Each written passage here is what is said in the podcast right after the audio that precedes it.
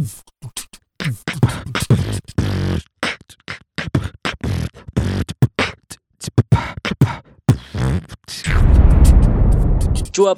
cuan.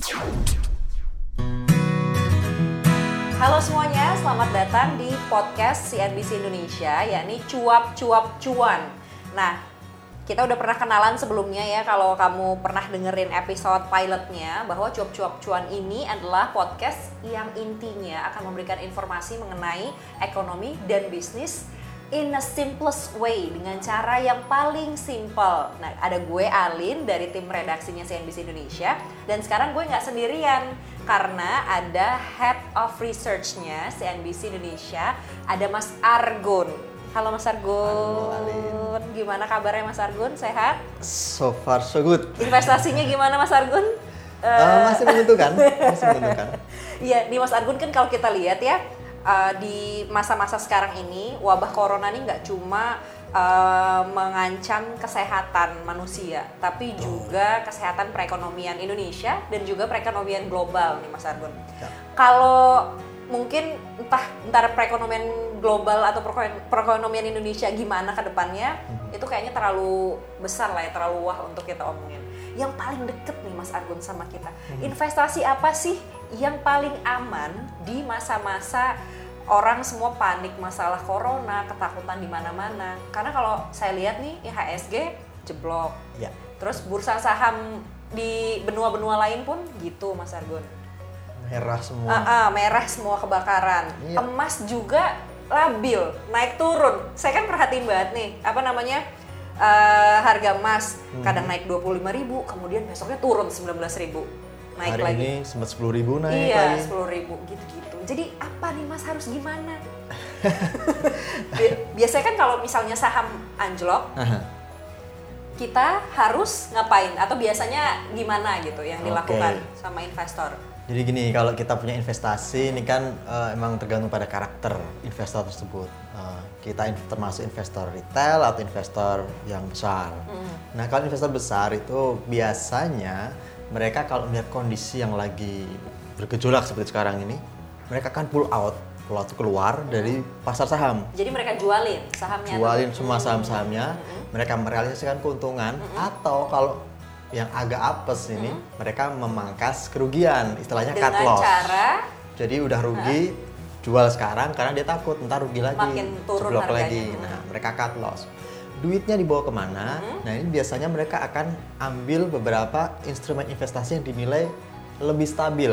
Memang tidak bisa menjanjikan keuntungan tinggi, tetapi tapi setidaknya bisa stabil. nge-keep harganya gitu ya cukup stabil. Betul. Nah, beberapa yang biasanya dilirik adalah uh, emas, kemudian surat berharga pemerintah Amerika Serikat, surat utang negara. Jadi mereka menerbitkan surat utang buat pembangunan mereka. Nah, investor nih yang beli, investor global termasuk yang besar-besar di Indonesia. Ini kita ngomong yang gede dulu. Atau mereka juga beli beberapa aset investasi obligasi di negara-negara maju lainnya, yen Jepang dalam hal ini. Jadi ketika mereka beli itu dalam bentuk yen, nilai tukar yen ini relatif stabil, makanya dianggap sebagai ada istilahnya itu alin safe haven. Hmm. Jadi investasi yang dinilai risikonya paling kecil, paling aman itu dolar Amerika, emas, kemudian yen. Jadi untuk menyelamatkan nilai uangnya begitu ya, Ya. eh, ke safe haven ini. Sekarang yen yang lebih dilirik dibandingkan dolar katanya. Eh, saat ini memang kondisinya eh, ya tadi labil juga. Oh, Tapi yang paling labil ya emas tadi itu. oh, emas itu justru sekarang jadi paling labil kan? Aha. Kenapa?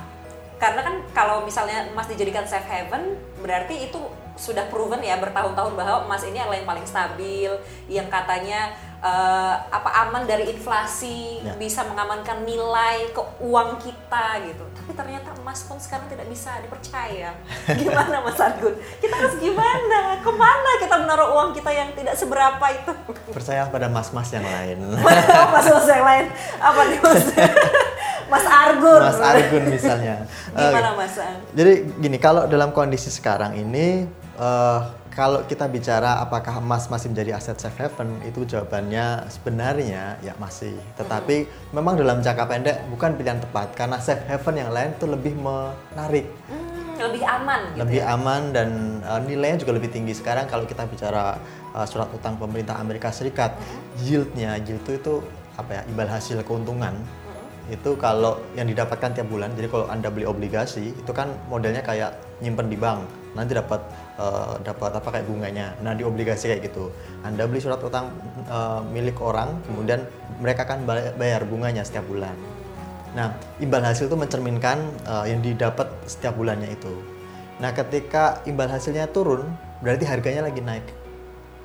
Nah, saat ini yang terjadi adalah uh, obligasi pemerintah Amerika Serikat, imbal hasilnya atau yieldnya tadi itu lagi turun turun, bahkan menyentuh rekor terendah. Oke. 0,7 sempat 0,7. tapi harganya Harganya jadi naik. Hmm. Jadi harganya di pasar naik, orang Jual, pada gitu. jual dan ketika mereka jual mereka dapat keuntungan lebih tinggi, harganya pun naik. Hmm. Dan ini karena yang beli juga banyak, gitu. termasuk tadi obligasi eh, investor global tadi itu. Hmm. Nah itulah yang bikin eh, kenapa emas jadi kalah bersaing karena orang-orang lebih ke sana ya ke surat utang surat ini utang. Hmm. Jadi ketika corona lagi bergejolak, mereka menilai mem- membeli emas itu menjadi lebih kurang menarik, Menarik. kalau jualnya gitu. Tapi kalau mereka beli obligasi pemerintah Amerika Serikat, ketika dijual harganya masih tetap naik. Sementara emas mungkin dia tadi ada volatilitasnya naik turun. Nah itu yang mungkin membuat investor global berpikir lebih baik saat ini ke obligasi pemerintah Amerika Serikat atau pegang cash. Makanya ada istilahnya cash is the king. cash is the king sekarang ya jadi Mhm. daripada bingung naro di mana gitu ya mungkin juga kan karena sekarang juga was-was gitu ya udah Ya. di keep aja gitu Di-keep uangnya. dulu. tapi kan ada ancaman inflasi berarti nilai uangnya ketika itu cash akan turun ya nggak sih mas bener nggak sih Betul. jadi Tapi- gimana Nah, inflasi itu biasanya menggerogoti nilai uang kita setiap bulan. Hmm, Ya seharian pasti ada kenaikan harga, tetapi biasanya rata-rata per bulan dihitungnya indeks harga konsumen. Hanya saja kalau investor global, mereka switchnya itu bukan hitungan bulan, hari. oke Jadi mereka ke- memang seaktif itu Ya, gitu jadi ya. mereka investasi bukan untuk melindungi nilai asetnya dari Tapi gerusan inflasi. tapi untuk mencari untung mencari untung dan itulah kenapa obligasi pemerintah lebih dilirik. Tetapi kalau kita berinvestasi membeli emas untuk lindung nilai sampai sekarang tidak ada yang mengalahkan emas dalam hal lindung nilai. Jadi kalau ngomongin uh, apa instrumen investasi yang paling anti inflasi, Memang emas. emas. Ya, memang terbukti dari dulu dan masih sampai sekarang. sampai gitu. sekarang. Ini kan kalau kita ngomong tentang investor global, Ya. yang pemain-pemain besar gitu ya Mas Agun. Kalau yang kita kita ini gitu, kita punya lah uang beberapa yang mau kita kalau bisa gitu uangnya Hmm. eh, ya kalau nilainya tidak bertambah, setidaknya tidak menurun gitu. Betul. kita harus ke mana? Oke. Kalau level-level kita gitu. Nah, tadi investor global ya yang besar-besar, trennya seperti itu. Nah, kalau investor lokal di kita, misalnya retail atau saya, Alin dan teman-teman semuanya, seandainya sekarang ini sudah membeli saham, ya saya sarankan memang saat ini tahan atau kalau berani cut loss. Jika Anda masih punya modal untuk mengcover risiko cut loss itu. Tetapi kemudian pindahkan ke misalnya Instrumen. obligasi, instrumen yang lain atau bisa juga misalnya ke deposito terlebih dahulu sesaat ya Oke. baru kemudian mencari uh, aset-aset yang sifatnya uh, lebih liquid jadi Contohnya adalah jadi kita nggak bicara soal properti itu enggak Oke, karena itu susah juga dijualnya susah gitu. dijual Hmm. nah itu kalau kita bicara soal likuiditas maka ya itu gampang nggak dilepas ketika lagi butuh duit gitu gampangnya itu nah bisa misalnya obligasi korporasi obligasi pemerintah. Sekarang memang obligasi pemerintah lagi dilepas asing. Tapi jangan khawatir karena Bank Indonesia menyatakan mereka akan tetap jaga di pasar agar harganya nggak turun. Jadi kalau asing jual yang beli Bank Indonesia. Sekarang udah keluar 192 triliun dari Bank Indonesia untuk beli obligasi itu. Jadi ya menurut saya masih aman di obligasi itu. Itu kalau Anda punya di saham. Tapi kalau Anda belum masuk ke saham saat ini, silahkan pertimbangkan untuk masuk. Kenapa? Karena lagi murah. lagi sangat Oh. murah. PE ratio apa itu perbandingan antara harga rata-rata saham di, di bursa kita dibandingkan dengan laba yang dimiliki perusahaan itu yang kalau dibagi-bagi per sahamnya gitu, itu Lebih rata-ratanya masih sekarang menurun. Dulu kita pernah di kisaran 17 persen, sekarang hanya tinggal 13 persenan. Eh, sorry, 13 kali bukan persen. 13 kali maksudnya gimana tuh jadinya? Jadi kalau anda eh, misalnya saya punya saham misalnya eh, 5% gitu. Eh, misalnya Dari- Heeh. uh, Alin beli saham taruhlah perusahaan A Ha-ha. Nah, perusahaan ini harganya 100 Mm-mm. per saham. Ya udah beli 100. Nah, satu saham itu ternyata membagikan keuntungan 10 perak. Iya. Kan perusahaan uh, beroleh laba dong dan labanya itu jadi dividen. Dividen itu kemudian dibagikan ke pemegang saham. Jadi, nah laba-laba yang per saham itu kan di rata-rata tuh, misalnya satu miliar dibagi berapa uh, laba bersih, dibagi berapa puluh atau ratus lembar saham, dapatnya berapa? Yang ibaratnya tadi dapatnya 10. Ya udah berarti price-nya 100 dibagi laba per saham tadi 10, berarti berapa? Kali 100 persis. Nah, itu dia.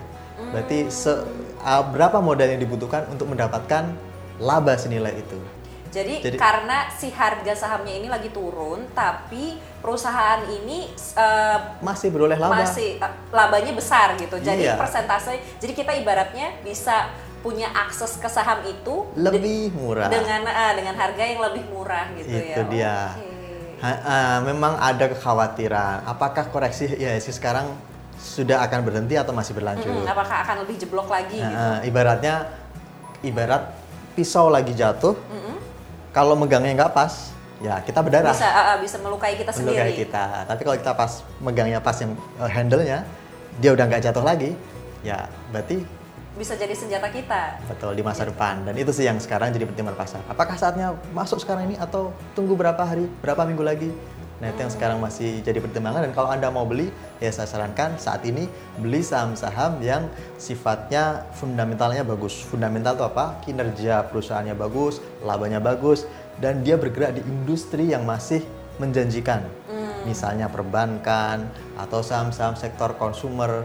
Ibaratnya mereka yang jualan sabun, Mm-mm, orang itu pasti pakai terus pasti gitu. pakai mau krisis atau enggak orang tetap beli sabun nggak mungkin mandi nggak pakai sabun kan Hmm, jadi memang profil perusahaannya itu juga harus kita lihat gitu ya. Iya, Tapi dan- ya sekarang beli-beli aja gitu juga tidak disarankan karena mungkin murah gitu loh mas. nah kalau kalau menurut saya sekarang jika anda mau masuk ke bursa saham Ah. jadilah investor yang bersifatnya uh, ibaratnya apa Uh, mereka bilangnya value investor jadi investor yang tidak mengejar ke naik uh, penaikan atau uh, penurunan uh, ya harga saham dalam hitungan hari tapi mereka lebih mengejar pada faktor jangka panjang Hmm. dividen atau kalaupun nanti dilepas dilepas setelah dia merasa butuh uang ibaratnya gini daripada kita nabung di bank yang uh, labanya uh, uh, Bunganya. bunganya hanya berapa Iya. sekarang um, Kecil 3 banget deh 4 persen ya pokoknya sama inflasi aja udah hampir mirip-mirip gitu ya mending masuk ditabung dengan membeli saham nanti Anda memiliki kenaikan status. Anda jadi investor Anda jadi pemilik perusahaan ibaratnya kalau mau punya saham eh, apa Astra misalnya. Meskipun Anda pegang satu lembar saham status Anda adalah Investor ya? investor atau pemegang saham Astra. Nanti bisa bisa ngobrol ke teman-temannya atau ke calon mertua Eh, kerja di mana ya saya punya ini saya pemegang saham Astra pak Oh, gitu. Keren ya jadi. Gak usah disebutin berapa persen tapi ya. Karena nol koma nol Iya, nol nol nol persen. berapa tapi yang penting punya. Yang gitu. penting punya. Dan itu Astra kan sejauh ini memang perusahaan yang misalnya tadi contohnya ya masih uh, profitable.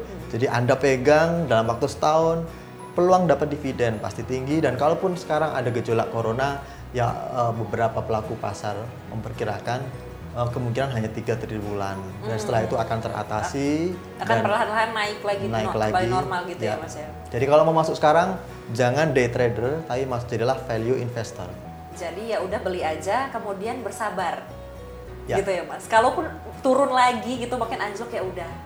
Ya, jadi Keep kan aja. keep aja. sabar aja, tenang aja, jangan panik gitu ya Jangan mas ya panik. intinya ya. Jadi em, itu ya tadi udah dijelasin sama Mas Argun kenapa harga saham anjlok, terus udah juga emas juga begitu gitu karena Ya. sekarang ternyata surat utang negara yang paling diminati sama investor global. Tapi Hmm. kalau investor kayak kita nih, mungkin untuk memanfaatkan kondisi ya Mas ya, Hmm. ini adalah waktu yang tepat untuk berinvestasi saham. Betul. Tapi harus sabar, Jangka panjang. Iya, jangka panjang, sabar dan jangan panik. Jangan pas udah turun, waduh gimana nih? Pusing Ya. kebakaran jenggot, aduh gua harus apa, harus apa. Harus tenang aja, tahan nafas bahwa kita tuh investasi memang bukan untuk sehari dua hari ya Mas ya. Ya. Investasi itu untuk eh, ada jangkanya lah ya. Jangka, Kita- target. jangka- ah, targetnya apa? Kemudian apa namanya? Mau berapa lama dan tujuannya apa? Kayaknya itu dulu nih yang kita omongin kenapa eh, udah ketemu lah ya jawabannya ya. Kenapa eh, ketika bursa saham itu anjlok, emas juga ternyata anjlok, ternyata para investor ini melarikan uangnya ke surat utang negara. Ada Hmm. produk lain gitu yang lebih yang lebih menguntungkan untuk saat-saat ini dan juga tentu aja tadi yang uh, bisa kita highlight adalah cash is the king ya nggak sih mas karena Ya. kan uh, uh, yang mas Argun bilang tadi dan juga gubernur BI juga bilang ya Ya, betul. bahwa Pak Ferry, uh, uh, bahwa cash is the king karena memang ya kita nggak tahu apa yang akan terjadi di depan kalau mungkin investasi agak susah misalnya kayak di deposito ada waktunya untuk diambil kapan Hmm. gitu kan emas juga ada apa namanya nilai jual jualnya dan belinya itu ada perbedaan di situ kalau uangnya ada cash ya udah gitu Ya. jadi cash aja cash is the king. Tapi jangan jangan disalahpahami. Iya, jangan ditumpuk semua di tabungan Ya. bank ya. Cash is the king bukan berarti duitnya ditaruh di bantal dan ada tidur sama kita enggak. Iya dia masih di deposito, hanya eh, bukan deposito sorry di tabungan. Di tabungan. Jadi gampang diambil ketika dia tiba-tiba ingin mengambil posisi misalnya di emas atau ingin ambil posisi di obligasi atau di saham atau di reksadana. Cash itu sudah siap untuk diambil. Hmm. Jadi itu mereka sekarang cenderungnya adalah jaga-jaga naruh dananya di perbankan dulu, disimpan dulu. Nanti mereka investasi lagi, tapi dengan melihat kondisi dulu Hmm. kan sekarang. Pokoknya intinya sekarang adalah tenang dan kalau mau investasi saham ini adalah saatnya. Tapi jangan lupa cash itu harus kita punya Ya. juga. Jangan semuanya diinvestasikan karena kita nggak tahu yang mana yang akan hancur. Nah, eh, nah kesalahan-kesalahan investor saat ini adalah mereka menggunakan 100% cash yang dimiliki untuk investasi. Berinvestasi. Nah, ini kesalahan tersendiri karena eh, ketika kita memilih untuk berinvestasi, maka aset investasi itu haruslah aset ekstra di luar Yang kebutuhan sehari-hari yang tidak kita pakai. Jadi ibaratnya uang yang nganggur gitu, yang yang ibaratnya taruh di bank eh, nggak pernah kita sentuh gitu. Dan Dan- itu yang harusnya dipakai. Jangan uang yang setiap hari dipakai tiba-tiba eh, nggak belanja dulu masuk ke sa- saham sekarang Ternyata anjlok. anjlok lah besok belanja apa nilainya lebih kecil. Iya, nggak bisa belanja ini beras dan sayur Ya, itu ya eh, apa namanya kalau saran atau inti dari obrolan kita saran dari Mas Argun tadi itu bahwa uangnya itu adalah uang yang bukan buat eh, kehidupan kita sehari-hari. Kalau bisa tabungan udah berapa banyak gitu barulah berinvestasi gitu ya Mas ya. Dan ayolah beli saham gitu. Ya nggak sih Mas? Jadi sekarang gitu nggak sih? Ketika sekarang IHSG lagi sekebakaran ini ya. belilah saham jadilah investor. Ya. Karena bahkan ada eh, Baron Rothschild eh, dia investor kenamaan lah di Amerika Iya. Serikat keluarganya Rothschild itu. Yang dari zaman dulu katanya Zaman kaya dulu. buat sedunia dia bilang gini when the market is the bloodiest that's what I like. Maksudnya ketika pasar lagi berdarah-darah maksudnya merah semua Hmm, lagi gitu turun, lagi turun banget dia malah happy. Karena saya itulah semua saham-saham yang fundamentalnya bagus tuh lagi murah. Di situlah momen kita untuk, untuk beli. beli itu dia Gitu. kalau ada cashnya nah makanya itu dia ya. makanya Cash is cash, the is key. the key Jadi harus pertimbangannya gitu, jangan sampai si cash ini malah dibuatin investasi, investasinya anjlok, nggak bisa ngapa-ngapain, Nggak bisa melanjutkan hidup kita. Iya. Itulah ya eh, teman-teman pendengar cuap-cuap cuan obrolan kita tentang apa yang harus kita lakukan atau investasi apa yang harus kita lakukan ketika semua nggak pasti dan semua eh, gerabak gerubuk lah ya gara-gara corona ini intinya itu tadi sudah dirangkum uh, sama Mas Argun dan juga sama Alin. Kita ketemu lagi di cuap-cuap cuan episode selanjutnya. Pokoknya pesannya adalah keep calm and invest. Dah, sampai ketemu. Dah.